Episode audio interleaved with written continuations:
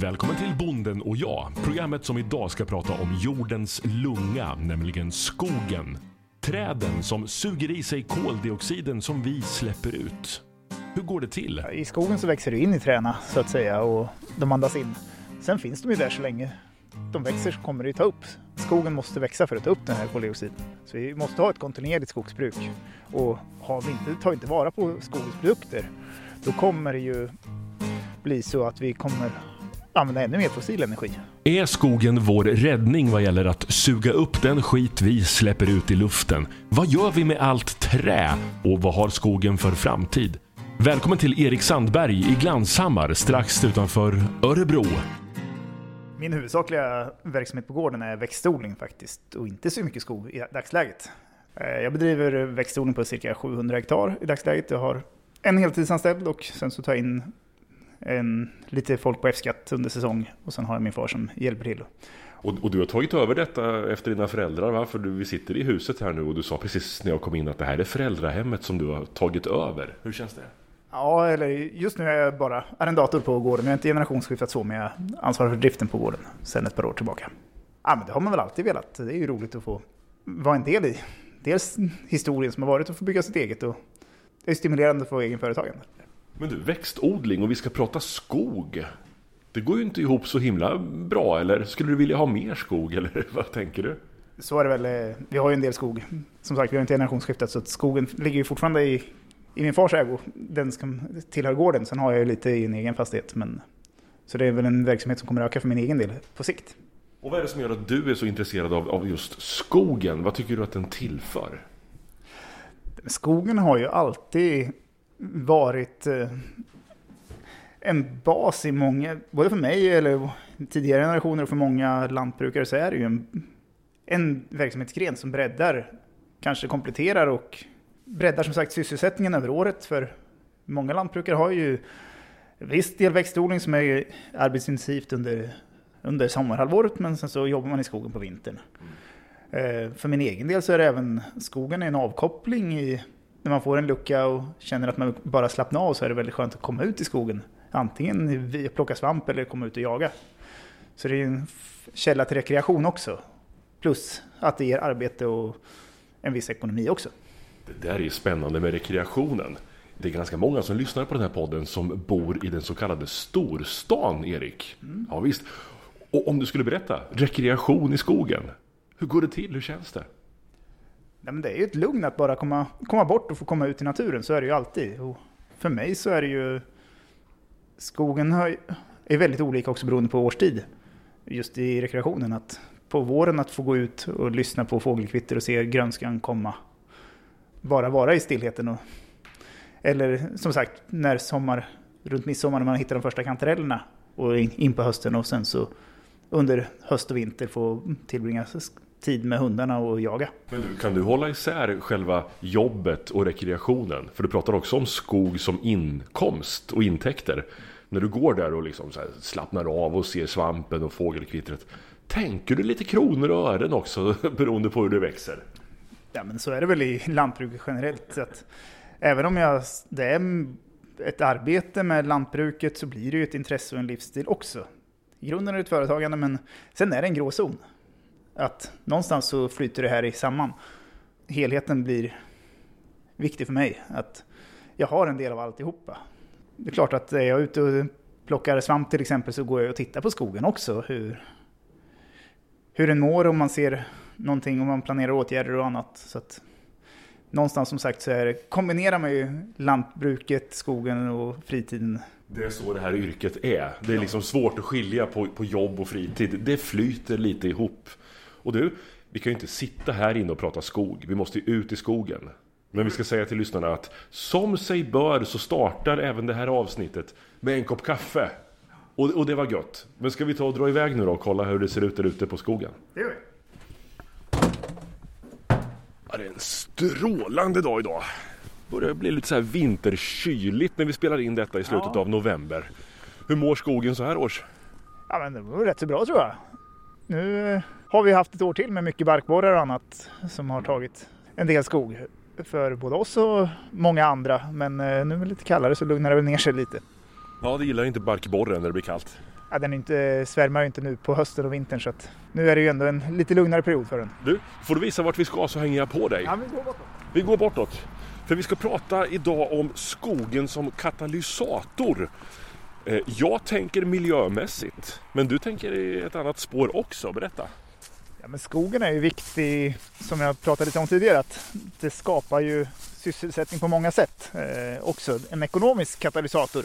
Att för varje enskild skogsägare som tar ner skog och så kommer det ju någon som ska transportera den till en industri om den ska säljas vidare. Och, och sen industrin sysselsätter folk och sen ut i en bygghandel eller export eller någonting. Men skogen är ju en katalysator ekonomiskt i många led. Och eh, sen även för den enskilde så är det ju en viktig inkomstkälla.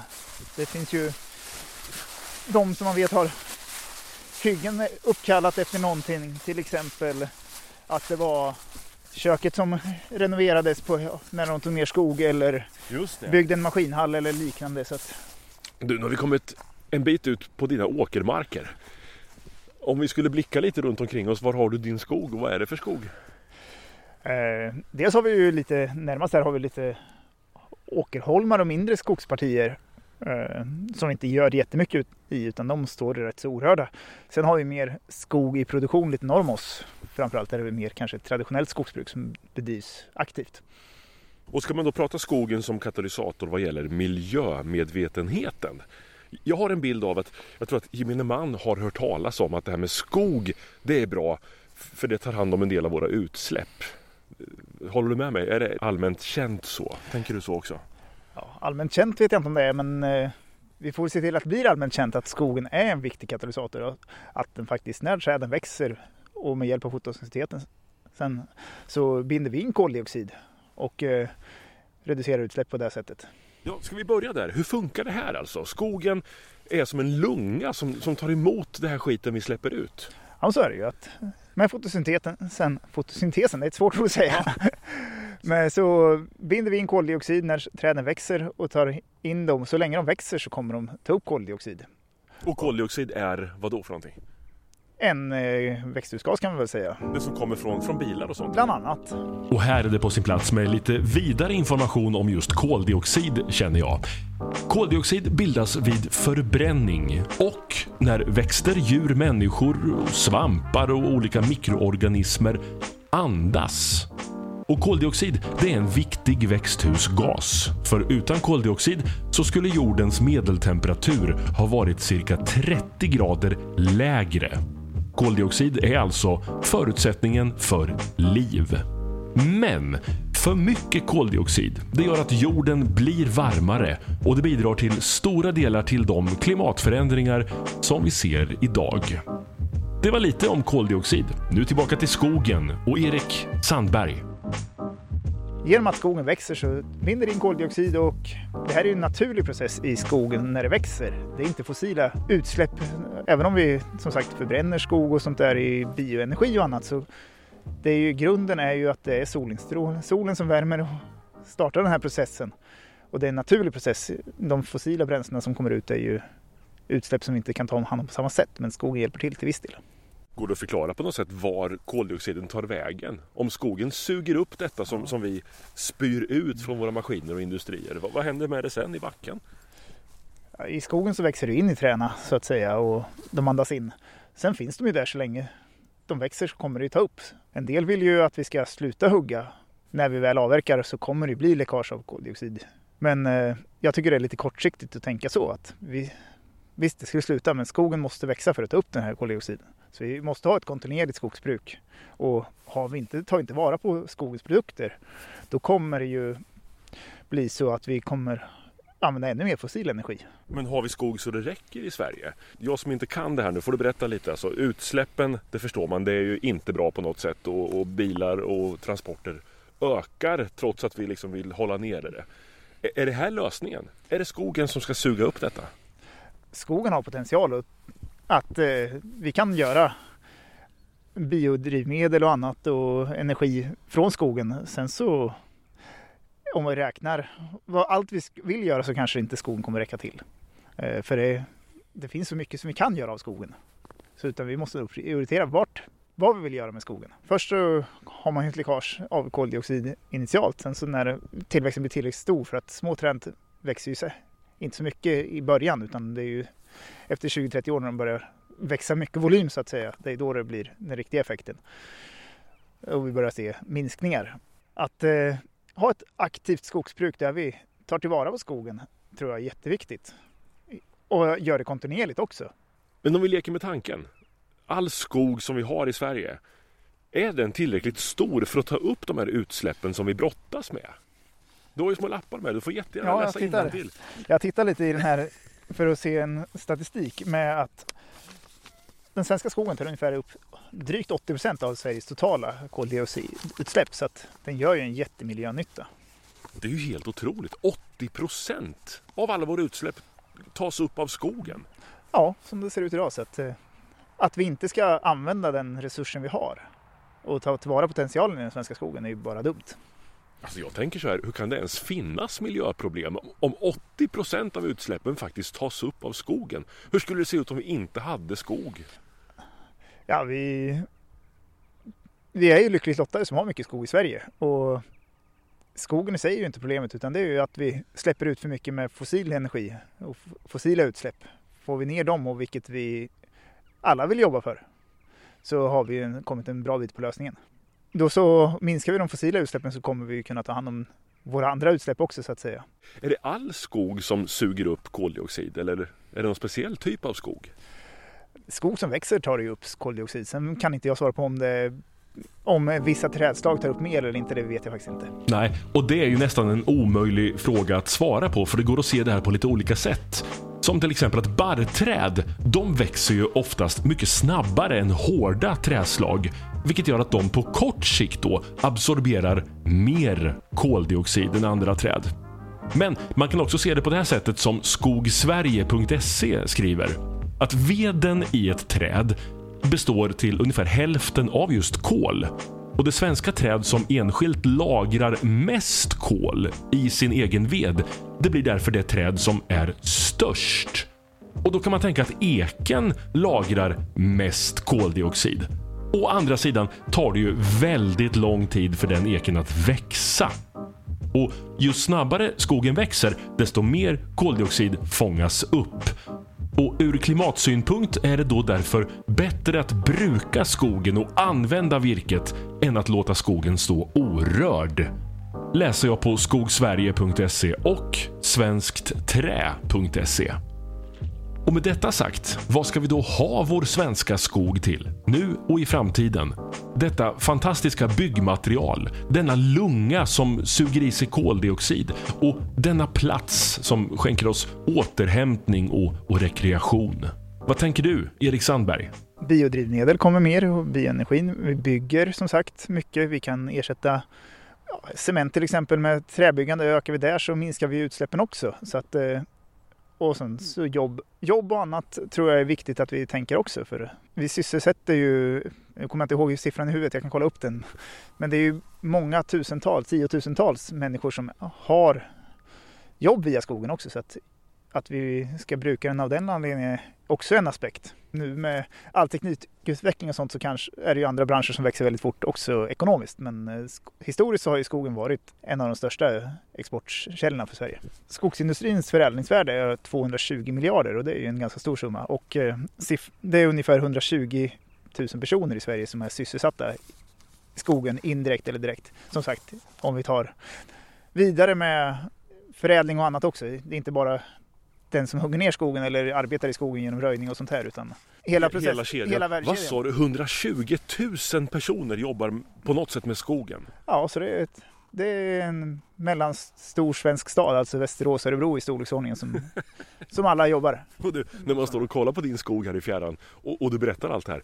Alltså jag får en lite annan känsla för just skogen. Den betyder någonting mycket, mycket mer nu när du berättar detta. Ja, och jag tror, vi har inte pratat så mycket om det, att jag hörde en siffra om att det i, bara i Örebro län så finns det 8000 privata skogsägare. Och att ha det här privata skogsägandet tror jag också är väldigt viktigt för att vi har ju olika mål med skogen. Som sagt, jag nämner att jag ser det som rekreation och annat och sen så är ekonomin väldigt viktig också såklart. Men eh, för en annan så kanske det bara är jakten eller bara känslan att äga eller och några ser ekonomiskt, någon vill ha eh, vill inte röra sin skog alls. Vi, genom de många ägarna så får vi en mångfald i skogen också som är bra än att vi har för mycket styrning på saker och ting. Utan frihet under ansvar tror jag är jätteviktigt i skogen. Vad tycker du själv om, om den gemena synen på skogen då i, i Sverige? Hur respekterar vi skogen och, och hur sköter vi den överlag?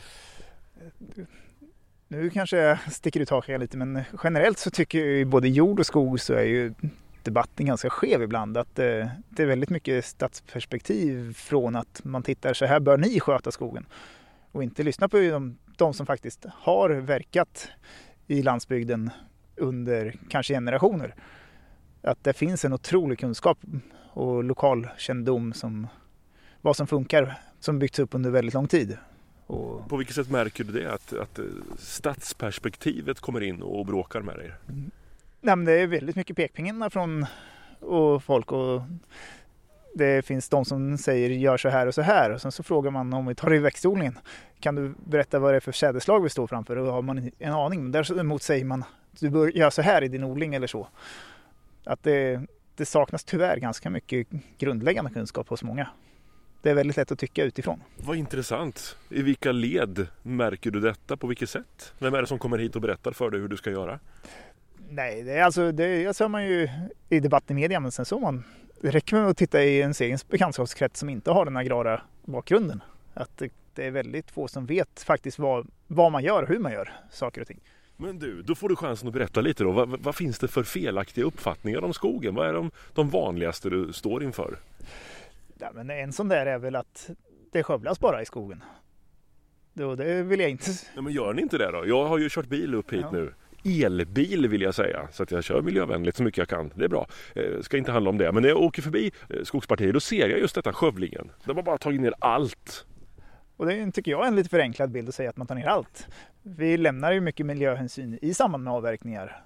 Till exempel lämnar stora lövträd eller biotoper där det är lite känsligt kanske att eh, bergskanter, myrar och annat, bäckar.